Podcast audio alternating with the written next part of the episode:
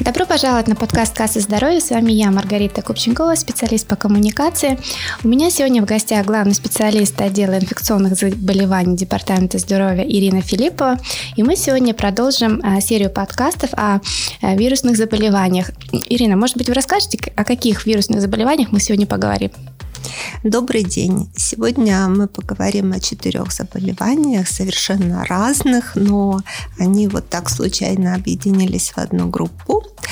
Это ротавирусная инфекция, э, полиомиелит, гепатит, вирусный гепатит Б и э, коклюш.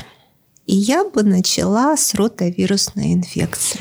Ну да, да, расскажи, а, что это за болезнь, как вообще она, как вообще может человек ей заразиться, да, и а, кто больше всего вообще заражается этим заболеванием?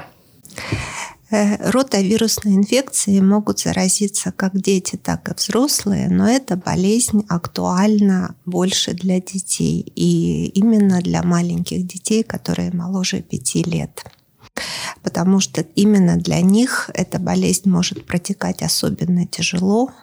Э, дело может закончиться госпитализацией и в нелеченных случаях даже смертью. Вызывается это заболевание вирусом, ротавирусом, э, который необычайно заразен. И особенность его заключается в том, что для заражения нужно очень малое количество вируса – Обычно, чтобы заразиться каким-то инфекционным заболеванием, нужно достаточное число возбудителя, чтобы произошло это заражение, с которым организм не справится и человек заболевает. А вот для ротавирусной инфекции достаточно очень малого количества, буквально ну, несколько единиц вируса и происходит заражение. Это имеется в виду, что даже пару минут, грубо говоря, контакт какой-то, где вот есть э, носитель? Заражение ротавирусной инфекции происходит фекально-оральным путем, то есть э, вирус размножается в кишечнике и активно выделяется больным человеком через кишечник. И при плохой гигиене, гигиене рук, гигиене обработки пищи, воды, туда попадает какое-то количество этого вируса. Человек не моет руки, загрязняет пищу, воду, предметы и так далее.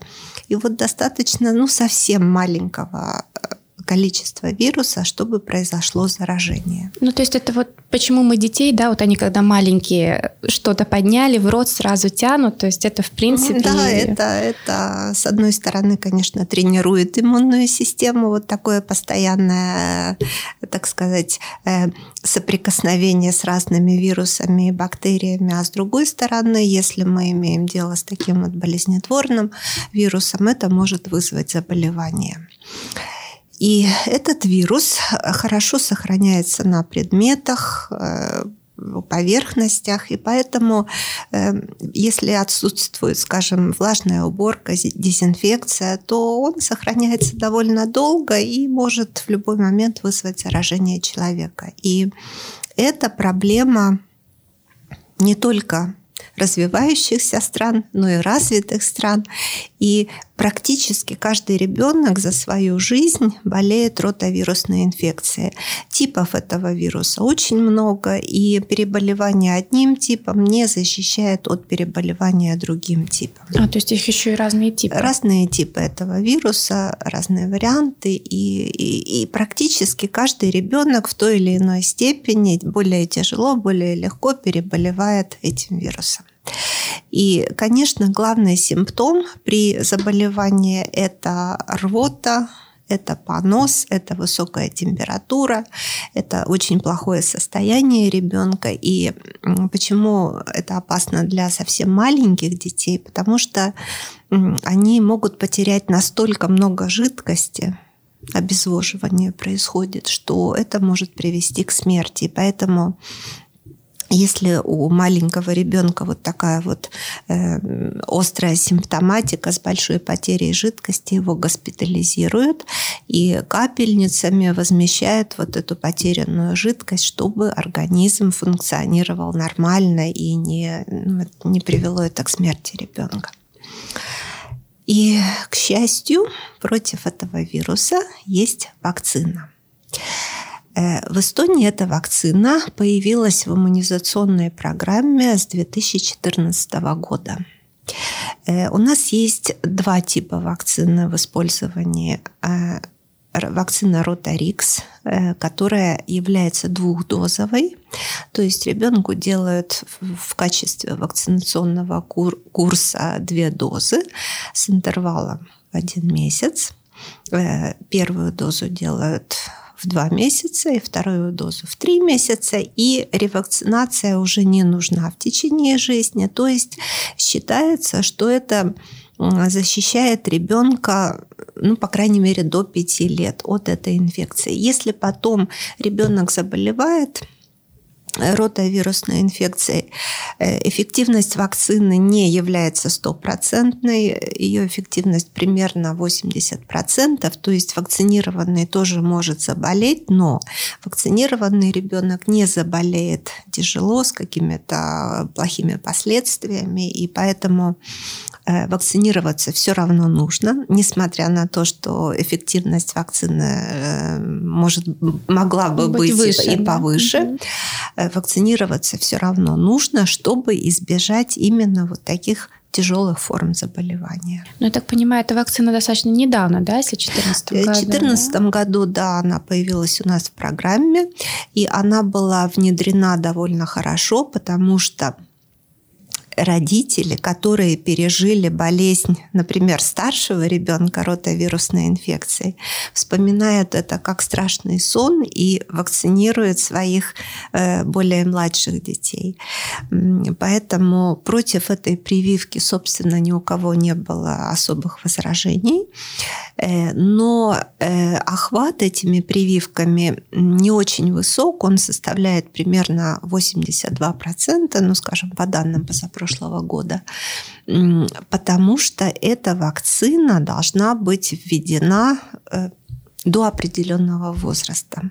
Самый крайний срок э, введения этой вакцины – это 32 недели. Лучше всего, если это будет сделано в течение 24 недель жизни ребенка. И потом более старшим детям ее вводить не рекомендуется. То есть, получается, взрослых нет смысла? Взрослых не вакцинируют в общем случае. Бывают очень редкие исключения, когда нужно провакцинировать человека, у, которых, эм, у которого тяжелая какая-то э, иммунная недостаточность. Или хроническая, ну, при, да, какая-то? При, или, или врожденная, или приобретенная в результате, скажем, э, трансплантации какого-то органа. Или, ну, в каких-то очень редких случаях это делают взрослым, но в общем случае э, взрослым эту вакцину не вводят. Она предназначена для детей, для, именно для маленьких детей до определенного возраста. И после 32 недель жизни ее вводить не рекомендуется, потому что э, тогда повышается риск э, возникновение одного тяжелого побочного эффекта. Ну, в народе его называют заворот кишок. То есть это когда происходит, ну, скажем так, загиб кишки. И, и называется инвагинация. Э, и поэтому детям до определенного возраста только можно ввести эту вакцину. И к счастью, эта вакцина появилась в нашей программе. В результате этого количество э, ротавирусных энтеритов очень уменьшилось в Эстонии. Это отмечает и наша статистика, и врачи больниц, что у них стало намного меньше пациентов с ротавирусной инфекцией. Вот такая история с ротавирусной инфекцией. Вот еще последний вопрос. Вот скажем, там ребенок переболел, да, ротавирусом, он второй раз если он не отвакцинирован, а переболел, он второй раз тоже сможет заразиться? Он второй раз может заразиться, потому что этих типов вируса много, mm. и это не гарантирует. То есть такого иммунитета оно не дает. Не дает. Очень интересное заболевание, конечно. Обычно как бы показывает практика, что какие-то заболевания переболел, да, то есть у тебя да, какой-то иммунитет. пожизненный иммунитет, mm. например, гарантирует э, заболевание корью. Угу, да, да, вот в прошлый раз мы об этом говорили. А вот, к сожалению, ротовирусная инфекция нет такого. А мы э, в начале программы говорили еще, у нас есть такая заболеваемость, как гепатит Б. Да, вирусный гепатит Б. Это тоже очень интересное заболевание. И вызывается оно тоже вирусом. И сразу я хочу сказать, что это заболевание очень-очень заразное. Оно может передаваться как через кровь, то есть с какими-то инструментами, на которых остались следы крови, зараженные этим вирусом. Э, они могут передаваться э, половым путем при половом контакте. И э, третья возможность заразиться – это при родах когда мама заражена вирусом гепатита Б, при, в процессе родов младенец может заразиться. Во всем мире очень много было случаев гепатита Б до того, как появилась вакцина против этого заболевания. А как у нас ситуация вот с этим в Эстонии? Э, у нас э, ситуация такая, что в 90-х годах была Э, очень высокая заболеваемость гепатитом Б, и а, особенно э, среди подростков, которые, ну, скажем, и делают тату, и всякие проколы, э, начинается сексуальная жизнь у таких вот уже более старших подростков. То есть путей заражения очень много. Какие-то наркотики. Вот для наркоманов это очень актуально. И Первые вакцинации э, у нас в Эстонии появились э, в 1996 году, когда начали вакцинировать младенцев, рожденных от матерей, которые заражены этим вирусом. То есть сначала не всех, а конкретно... Да, это самая большая была группа риска, потому что а, есть такое правило в отношении гепатита Б, что чем раньше – чем в более молодом возрасте э, получит ребенок эту инфекцию, тем больше вероятность того, что заболевание перейдет в хроническую форму, у ребенка разовьется цирроз печени и рак печени. И это, ну, так сказать, прямой путь э, к смерти mm-hmm. ребенка. Поэтому э, предупредить заражение вот этих самых младенцев с первого дня жизни было очень важно. И вакцинировать стали этих младенцев сразу после рождения. Вакцинация в первый день рождения э, дает практически стопроцентную гарантию того, что ребенок э, не заболеет. Ну, может быть, не сто процентов, стопроцентно в этой жизни ничего не бывает, но, но все равно да, это приближается высоко. к ста процентам. Э, в 1999 году начали вакцинировать э, детей а, в возрасте 13 лет. То есть это тоже группа риска, как я уже сказала. Там и всякие процедуры, связанные с проколами, с татуировками. А, Еще не такие осознанные, скажем да. так. И наркотики. В общем, начали вакцинировать этих детей. В 2000 году стали вакцинировать всех новорожденных в Таллине и с 2003 года по всей Эстонии. То есть у нас в иммунизационной программе а, появилась вакцина от гепатита Б для новорожденных. Их вакцинировали э, в первый день рождения, потом в месяц и потом в 6 месяцев. Э, вакцинационный курс э, состоит из трех доз – и когда вот этот вакцинационный курс пройден, то ревакцинация уже не нужна. Считается, что человек становится иммунным на очень длительное время, ну, практически на всю жизнь. И э, таким образом, э, вот за этот период э, с 2000 до 2010 года мы практически убрали заболеваемость среди детей и подростков. Вот у меня сейчас возник э, вопрос, да, там, может быть, а, сегодняшний день, да, скажем так, люди очень много, ну, с одной стороны, в другую, да, переезжают, и а, везде разные, скажем так, вакцины, да, которые детям делают. Вот, ну, не помнит родитель, делали в той стране конкретные вакцины, а сейчас он живет, скажем, в Эстонии.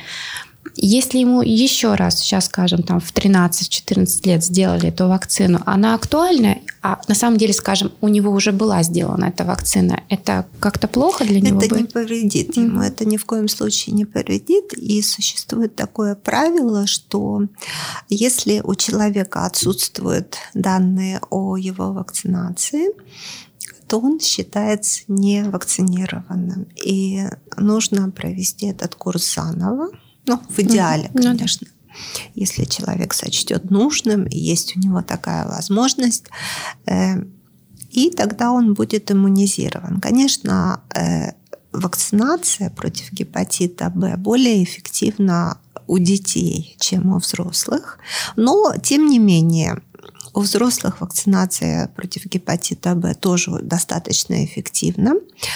Э, и поэтому, если взрослые, например, которые родились до 86 года, то есть они вот в 1999 году еще ну, как бы не были провакцинированы 13-летними, они могут сделать себе эту вакцинацию. Конечно, для них она уже платная, потому что Для они взрослых. уже не входят в группу, так сказать, целевой иммунизационной программы. Но тем не менее, вакцина есть для взрослых, и любой взрослый человек может провакцинироваться. Э, не застрахован от заражения никто. Ну, да, конечно. Потому что люди вступают в половые контакты с незнакомыми людьми, никто не знает их инфекционный статус. Ну да, на лбу не э, написано. На лбу не написано, и даже, возможно, человек и сам не знает, потому что гепатит Б, он развивается очень тихо. Это, ну, такой его даже называют тихий убийца. Человек не подозревает, что он заражен, если он не сделал определенный анализ на гепатит Б. А, и потом вдруг раз, Макса, э, извините, цирроз печени – Раз – рак печени, то есть ни с того ни с сего. А оказывается, причиной был гепатит Б, который тихо-тихо-тихо развивался, не причиняя никакого... То есть он может несколько лет, то есть так вот тихо... Э, даже не несколько лет, а десятилетия О, это может развиваться, не причиняя никаких, так сказать, неприятных симптомов хозяину. И потом вдруг раз, и какой-то вот э, симптом, который приводит потом гибели человека. А вот такие анализы у нас просто вот задумалась в Эстонии, да, как бы, когда человек там ходит к врачу, да, делает вот это, как у нас называется, тервисе контроль, да, там или еще что-то для себя. А проверка вот на это заболевание, оно включено или это человек должен всегда отдельно э, спрашивать? Ну, насколько я знаю, объем тервиса контроля определяет работодатель э, в результате анализа рисков на данном рабочем месте.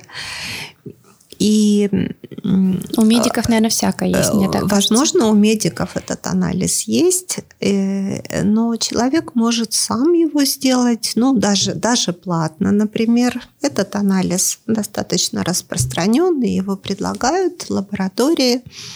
И, и, конечно, э, нужно знать свой, так сказать, статус, болен ты или нет. И если вовремя начать лечение, то можно очень облегчить ситуацию, можно ее немножко поправить.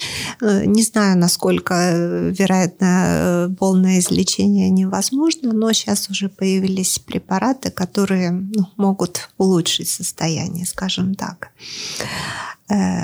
А вот вакцинация, если ты не заражен и ты хочешь предупредить это заболевание, вакцинация, конечно, очень эффективно, потому что путей заражения остается достаточно много. Хотя надо сказать, что сейчас заболеваемость во всем мире очень снизилась благодаря вакцинации, но тем не менее остаются люди больные, и э, никогда не надо отменять человеческий фактор, ну, скажем, а, стерилизация инструментов медицинских. Хотя в медицине сейчас почти все одноразовое, но скажем, какие-то хирургические инструменты, которые все-таки подлежат стерилизации, они не одноразовые. А всякие, опять же, процедуры тату, пирсингов. Ну, косметические прочь, даже, наверное, какие-то. Косметические. Да. Мы не знаем, как, как там кто что стерилизует. Педикюр, маникюр парикмахерская, всякие мелкие порезы. То есть они... это даже достаточно? Да, потому что э, вирус гепатита, он э, намного более заразен. Я читала, что в сто раз более заразен, чем вирус э, HIV. Поэтому тоже достаточно очень малого количества крови, засохшей на инструменте, чтобы получить этот вирус. Поэтому э, вакцинация – это самый надежный способ э, от этого вируса предохраниться, потому что невозможно исключить другие пути передачи. А вот возник снова вопрос. Про предыдущих программ мы говорили, что вот с определенным вирусом, да, был контакт человек, и в течение там нескольких часов, если он отвакцинировался, то возможно, что он все-таки не заразится, да, ну или в таком с, этой, с этим заболеванием тоже так, если... Ну вот э, если посмотреть по аналогии с новорожденными, которые заражаются в процессе родов, то вот э, есть э, очевидный факт, что вакцинация в первые 24 часа после вот этого контакта предохраняет от заражения. Что есть вариант, что стопроцентно, может быть, человек и не получит да, это, это заболевание. Да, тоже интересно очень. А, ну, в принципе, все понятно. У нас остается еще несколько вирусов, о которых мы хотели сегодня поговорить. Это коклюш? Ну, э, если мы говорим о коклюше, то это болезнь не вирусная, это болезнь бактериальная. Ее вызывает возбудитель Bordetella pertussis. Бактерия. Ой, я бы никогда не выговорила. Э, бактерия, э, которая имеет совершенно иной механизм заражения. И это воздушно-капельный. То есть мы получаем эту болезнь в основном через воздушно-капельным путем или через воздух, или же если эта капля попадает на какую-то поверхность, мы загрязняем руки, рот и, и получаем это заболевание. Э, вирус, э, в отличие от двух предыдущих, то есть э, как люш, в отличие от двух предыдущих заболеваний, он является заболеванием дыхательных путей размножается в эпителии дыхательных путей и начинается как обычное респираторное заболевание с повышением температуры, э, может заболеть горло, могут быть другие признаки, какие-то респираторные насморк. Э, но потом э, через неделю-другую развивается кашель. И вот этот кашель является очень таким характерным симптомом коклюша он имеет такой характер э, приступообразный. Человек начинает кашлять и не может остановиться. И иногда этот приступ настолько изматывает его, что уже даже приводит к рвоте, потому что человек уже ну, просто не может кашлять. И именно поэтому это заболевание очень опасно для младенцев. Э, дело в том, что э, вакцинация от коклюша начинается э, в возрасте трех месяцев, в Эстонии, по крайней мере. И вот эти вот младенцы до трех месяцев, они очень большая группа риска. То есть они еще не вакцинированы. Вокруг них э, очень много людей крутится. Во-первых, члены семьи, Во-вторых, э, другие люди, с которыми они встречаются там в при посещении поликлиники, магазина и, и прочих мест. И вот э, ну, почему в народе говорят, что э, младенца до трех месяцев лучше никому не показывать. Вот, вот только хотела Никуда сказать. не ходить да. с ним. Не просто так же это, да, видимо. не просто да? так. Ну, называли это с глазом, но на самом деле это может быть никакой не с глаз, а именно вот те инфекции, которые может младенец еще такой не, незащищенный, чистый получить, э, общаясь с незнакомыми людьми, э, неизвестно, больны они, не больны, и все хотят поближе к ребенку, его там потрогать, Пощупать. поцеловать, по поиграть с ним. И, и таким образом происходит это заражение. В чем выход? Э, Выход в том, чтобы все члены семьи, где родился вот такой младенец, были бы провакцинированы от коклюша. Э, Тогда э, возле ребенка создается ну, такой вот как бы кокон иммунизированных людей, которые не принесут ему этого возбудителя, хотя бы члены семьи хотя бы те, кто с ним общается близко. Вот эта, эта стратегия так и называется стратегия кокона или стратегия зонтика, что вот ребенка как будто защищают его близкие тем, что они провакцинировались. То есть название, да, такое ощущение, как будто бы отсюда. Да. И э, еще есть такая, такой очень совет хороший э, беременным женщинам, которые а, не были вакцинированы э, во взрослом возрасте от коклюша, им советуют во время беременности получить эту вакцину. Моновакцины от коклюша нет, но есть вакцина э, трехкомпонентная, дифтерия, э, столбняк, коклюш. Каждый взрослый должен делать дифтерию, столбняк каждые 10 лет. И вот одну э, дозу этой вакцины можно заменить вакциной дифтерия, столбняк, коклюш. Один раз во взрослом возрасте взрослый должен бы получить вот эту вакцину. Это полезно для любого взрослого, потому что коклюш за последнее время очень постарел. Раньше считалось, что это детское заболевание, и, и таковым оно и было еще, скажем, 20 лет назад. Но вследствие того, что все дети провакцинированы, это заболевание отодвигается на более поздние возраста. Поствакцинальный иммунитет не очень длинный. В среднем он составляет 7 лет. И вот ребенок в течение, скажем, дошкольного и школьного возраста вакцинируется от коклюша. Он получает за всю жизнь 6 прививок в течение, скажем, детского возраста. А потом он выходит во взрослую жизнь и все, 7 лет проходит, и он становится опять восприимчивым к этому заболеванию. И вот этот вот бустер в течение взрослой жизни, один бустер, он очень хорошо защищает взрослого человека. И вот женщинам советуют сделать этот бустер во время беременности, потому что образуются у мамы антитела, и когда ребенок рождается, он получает эти антитела от матери.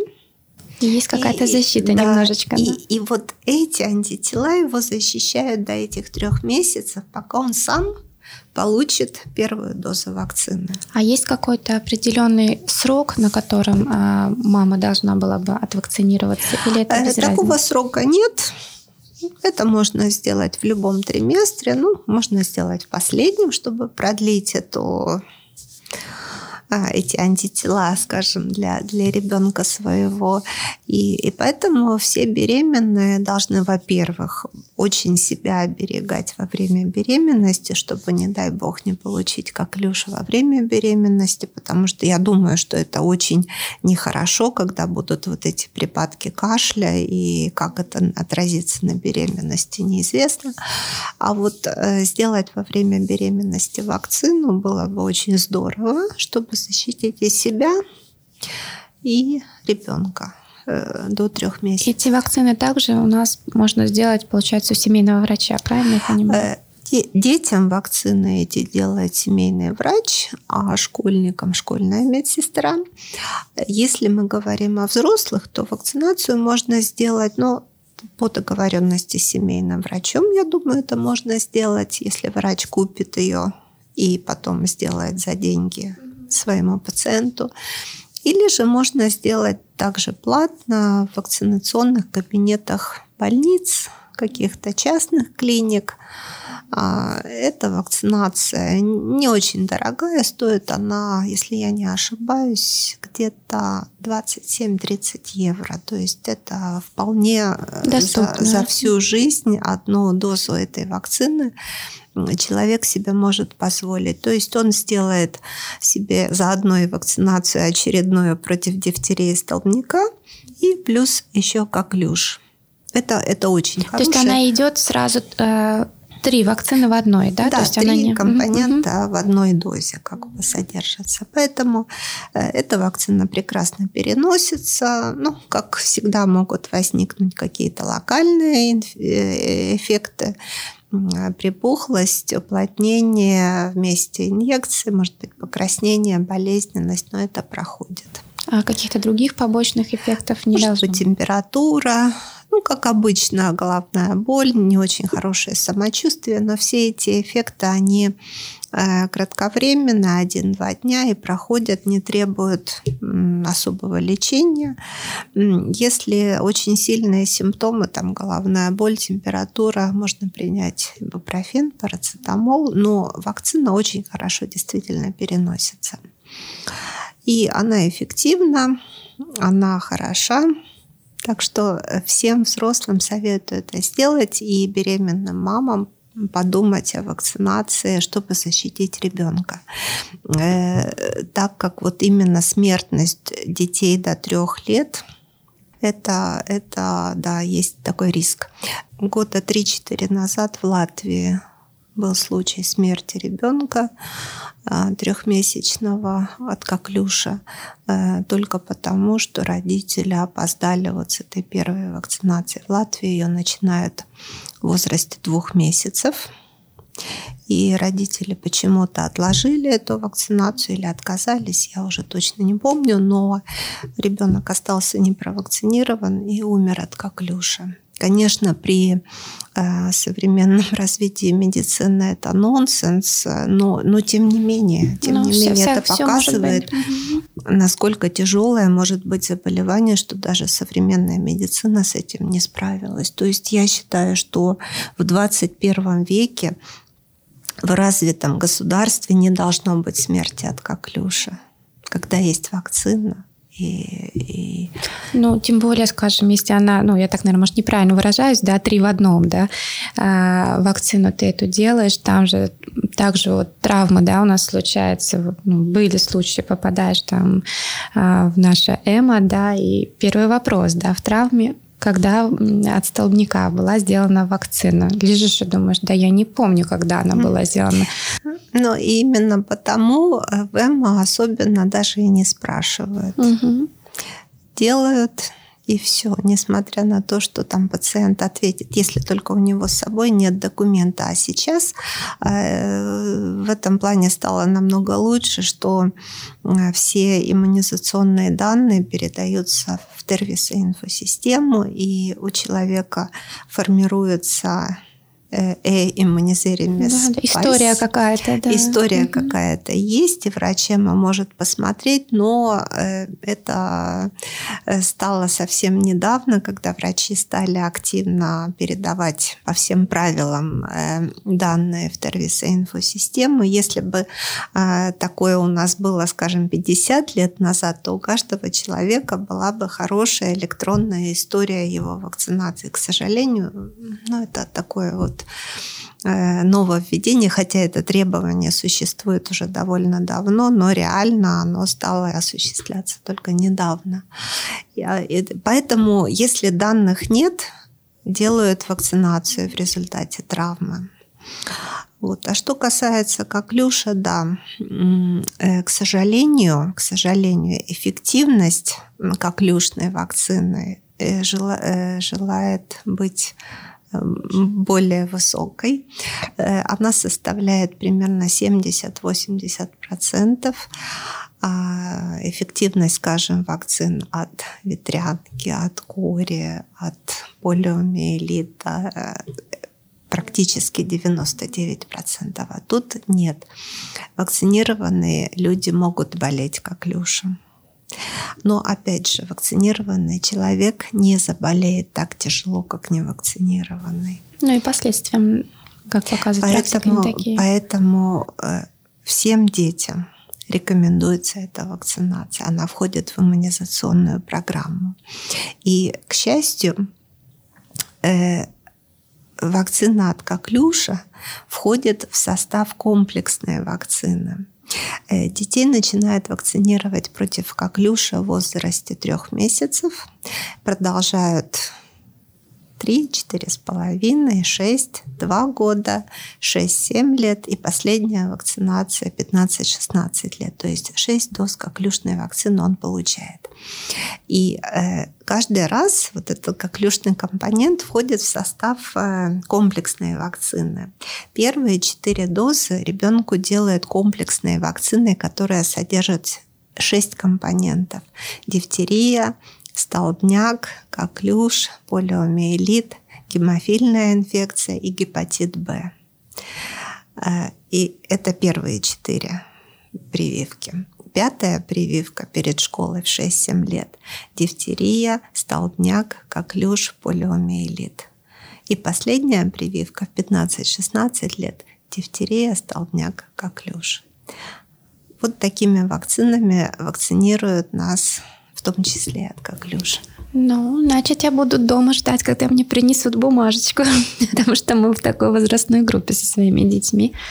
А, в принципе, она всегда приносит и один, и второй, что нужно сделать. Вакцину да, нужна подпись. сделайте. И если ваши дети получат вакцину э, дифтерия, э, столбняк, коклюш в 15-16 лет, значит, следующую дозу дифтерия, столбняк нужно сделать 25-26 лет, через 10 ну, лет. Надеюсь, После что я тогда этого... буду как ждать себя быть бабушкой. А вот тогда вот эту дозу можно как раз сделать дифтерия, столбняк и коклюш, если, скажем, э, ну, хотелось бы. ожидать внук.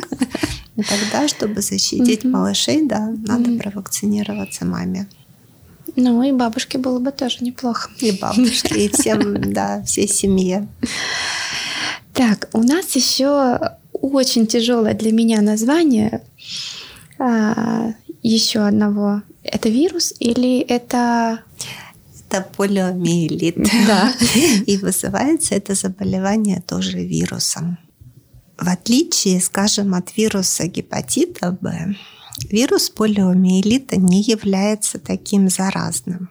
Но э, в природе все продумано.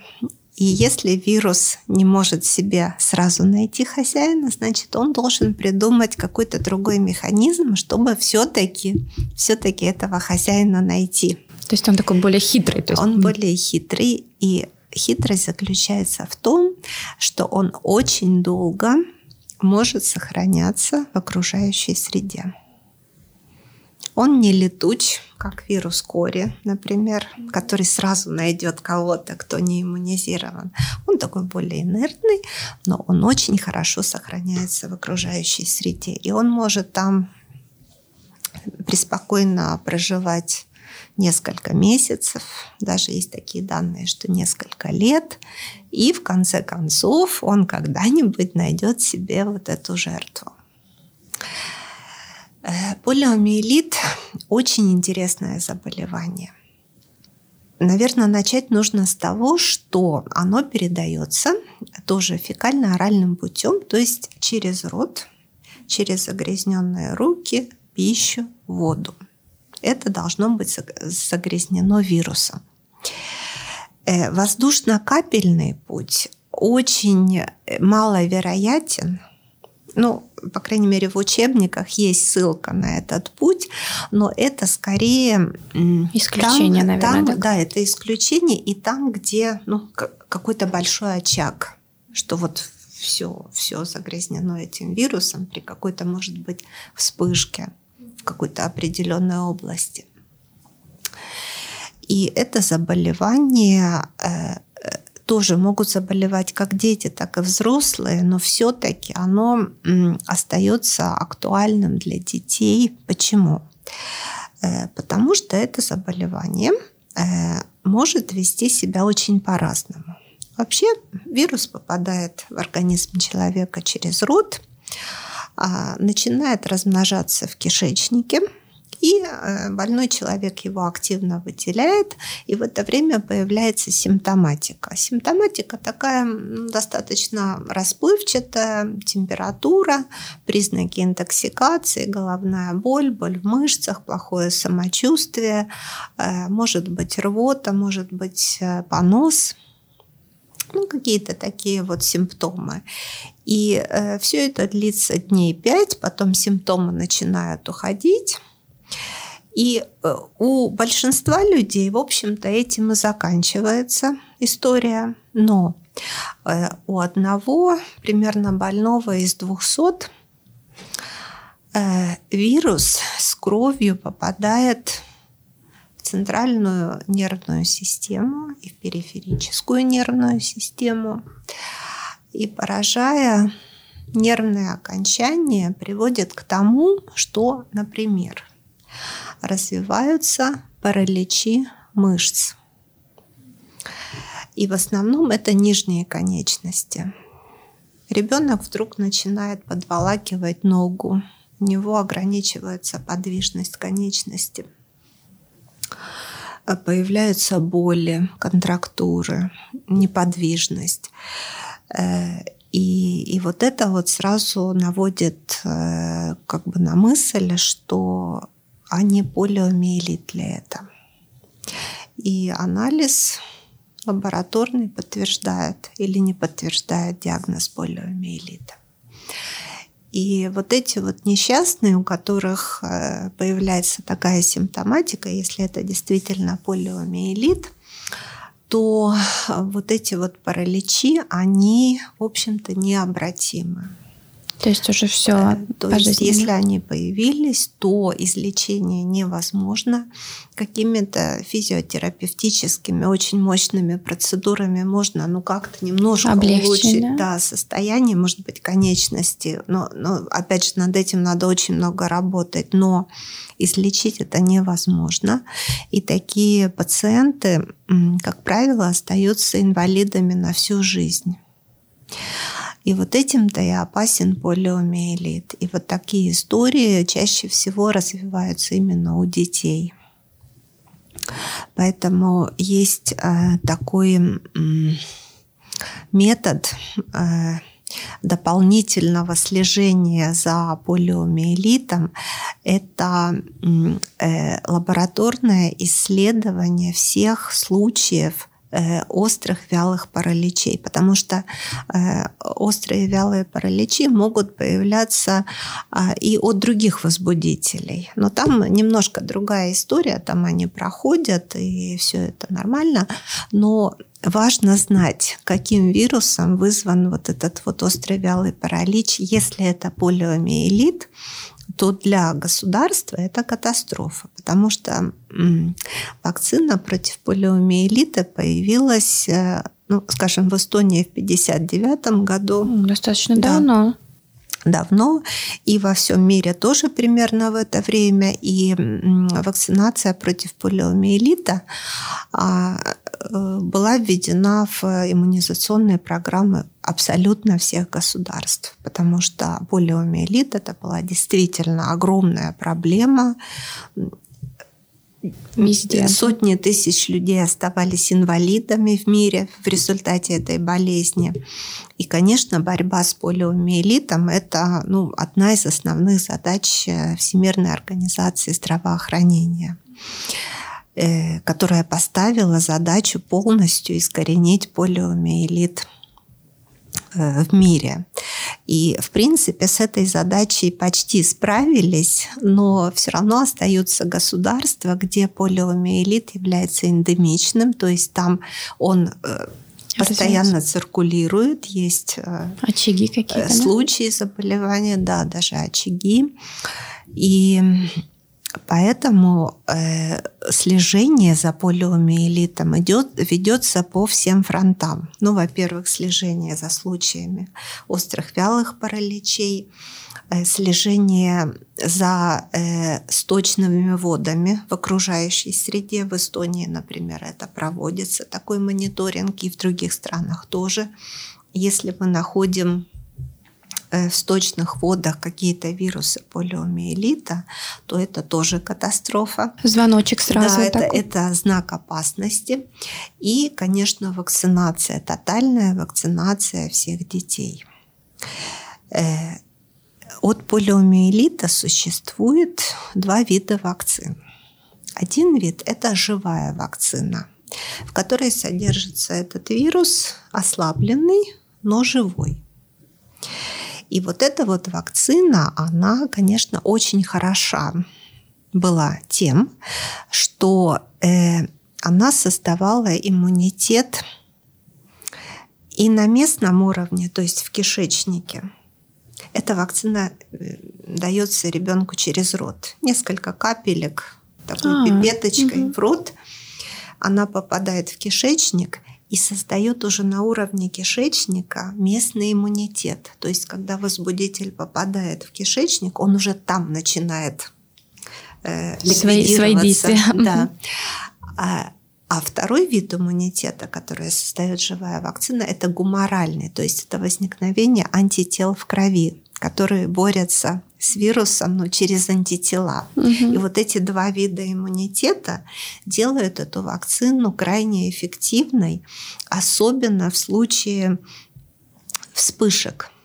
Ну, скажем, вот в Африке там были большие вспышки, в Азии. И применение этой вакцины э, было, во-первых, очень удобно. Вот выстраивают детей в очередь, и каждому в рот несколько капель и пошел. Несколько Это очень капель быстро. пошел. Не надо ни инъекций, ни никаких приготовлений, стерильность, прочее. Открыл флакон, пипетка, две капли и каждому и все. И все провакцинированы. Или были такие подворные обходы. Ездила машина, э, каждый двор, всех детей выводят, всем капают в рот вакцину и были бы все вакцины так. Да. Ну, вот такая вакцина против ротовирусной инфекции, например, я забыла сказать, что это вакцина одна из немногих, которые вводятся через рот. И вот такая вакцина живая от полиомиелита. Но у этой вакцины э, было два э, серьезных, ну, так скажем, недостатка. Или побочных эффектов, да? Э, я бы сказала, недостатка. Э, первый – это то, что было выявлено, что ну, примерно в одном случае на миллион крайне редко живая вакцина может вызывать вот э, такие вакцинные вялые параличи у детей. Ну, видимо, с нарушениями, может быть, иммунной системы дети. Но были такие случаи, и после этого эту вакцину прекратили применять. И второй недостаток в том, что когда вакцина попадает в кишечник, она выводится в окружающую среду. Э, и вот этот вакцинный вирус, который попадает э, с человеческими, так сказать, выделениями в окружающую среду, начинает жить своей жизнью. То есть он ослабленный, он не может вызвать заболевание, но он все-таки живой. И в окружающей среде под воздействием температуры, кислотности, может быть, ультрафиолетового излучения, ну, не знаю еще каких факторов, он может видоизменяться и приобретать патогенные свойства. А, ну это даже опасно с какой-то стороны. Да, и это даже опасно. И вот э, те местности, где детей массово вакцинировали вот этой ОПВ вакциной, оральной полиовакциной, живой, вот этот вирус, попадая в окружающую среду, мог мутировать. Он потом стал называться, после того, как он мутировал, вакцин-дериват полиовирус. И вот этот вакцин-дериват полиовирус, попадая к, к неиммунизированному человеку, мог вызывать заболевания, даже паралитические формы. И вот такие случаи мы наблюдали, например, в Украине совсем недавно. По-моему, это был 19-20 год. Там было несколько случаев таких. И на Украине применяли еще до недавнего времени такую вакцину. И, и, и вот неиммунизированные дети, родители которых отказались от вакцинации, заразились именно этим вакцин-дериватом. И получили какие-то паралитические формы заболевания. У нас в Эстонии эта вакцина не применяется с 2008 года, то есть уже сколько лет прошло, более 15 лет. У нас уже очень много лет нет в окружающей среде ни э, дикого полиовируса, ни вакцин деривата. Э, слежение происходит за этим. У нас есть несколько пунктов где отбираются сточные воды, делается их анализ, и на основании этого делается, так сказать, вывод о том, есть в окружающей среде вирус или нет. Но смотрите, в мире такая миграция происходит. К нам приезжают люди из разных стран. Угу. Мы уезжаем. Мы тут. уезжаем в какие-то страны. И поэтому, конечно, э, любой вирус находится на расстоянии одного полета. И поэтому э, все дети должны быть стопроцентно провакцинированы от полиомиелита. Потому что вот эта миграция, а, она способствует распространению вируса. И э, то, что это возможно, доказывает, например, э, тот факт, что европейский регион э, Всемирной организации здравоохранения, которая состоит из э, Европы и еще стран э, Средней Азии. Он свободен от полиомиелита очень давно, уже лет 20. И вдруг в 2010 году в Таджикистане возникает огромнейшая вспышка полиомиелита – Э, туда было вовлечено более 400 человек. То есть это завезли, я так понимаю? Да, и было выяснено, что вирус был завезен из Афганистана, который эндемичен по полиомиелиту. Э, как раз в то время в Таджикистане была какая-то гражданская война, а всякая война – это нарушение э, функционирования системы здравоохранения. Видимо, были какие-то пробелы вакцинации детей, там все эти аулы, может быть, не, были не вакцинированные дети, и вспышка, огромнейшая вспышка полиомиелита, э, со смертельными случаями, много паралитических форм. Вот такая история. То есть на территории, свободной от полиомиелита, вдруг возникает такая огромная вспышка. То есть ну, ни одна страна от этого не застрахована. Угу. И поэтому очень важно, чтобы все дети были провакцинированы. И, конечно, вызывает тревогу тот факт, что в Эстонии снижается охват заболеваемостью каждый год. И, скажем, на основании данных 2021 года мы видим, что среди детей в возрасте двух лет ну, почти 10% не провакцинировано от полиомиелита. То есть это, это, это много Это много, да. Угу. Конечно, они потом э, довакцинируются в более позднем возрасте. Ну а если они заразятся э, То есть риск раньше, это все-таки есть, это, да? Этот риск есть, и поэтому, э, конечно, вакцинация необычайно важна. Эффективность вакцины очень высока. Мы используем сейчас инактивированную вакцину, где находится э, э, не ослабленный живой, а убитый вирус, то есть который ну, ни при каких условиях ничего не может вызвать. Эффективность очень велика, и поэтому обязательно нужно вакцинировать своих детей в соответствии с иммунизационной программой. Ирина, вот каждую нашу встречу я все больше и больше узнаю нового, и вот убеждаюсь в том, что я вроде как бы, ну, мама двоих детей, да, вот даже не задумываясь, да, там сказали отвакцинироваться. Ну, как бы я тот человек, который как бы доверяю этой системе. Если нужно, значит, они знают лучше, да, скажем, что нужно.